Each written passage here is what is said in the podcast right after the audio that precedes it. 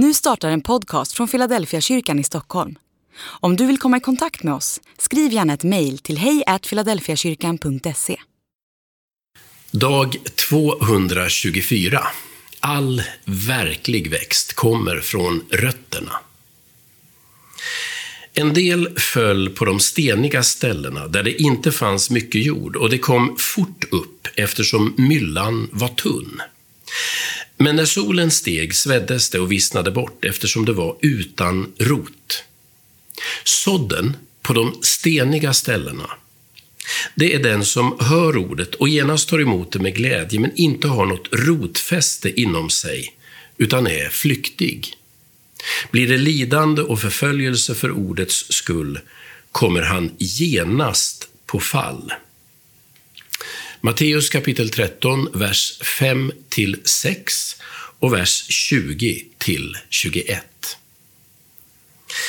Tycker du att det växer för dåligt i ditt liv? Är du missnöjd med de resultat du ser?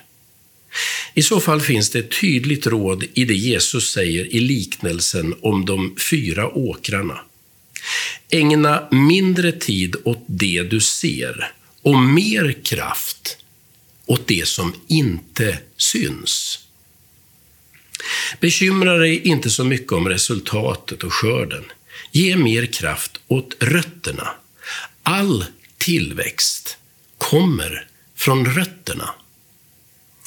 En gren kan skjuta nya skott, men all verklig växt kommer från rötterna. Det är vad som händer i djupet av vårt inre som till sist avgör vad som blir resultatet utåt. När Jesus talar om den helige Ande säger han att det blir som strömmar av levande vatten ur vårt innersta.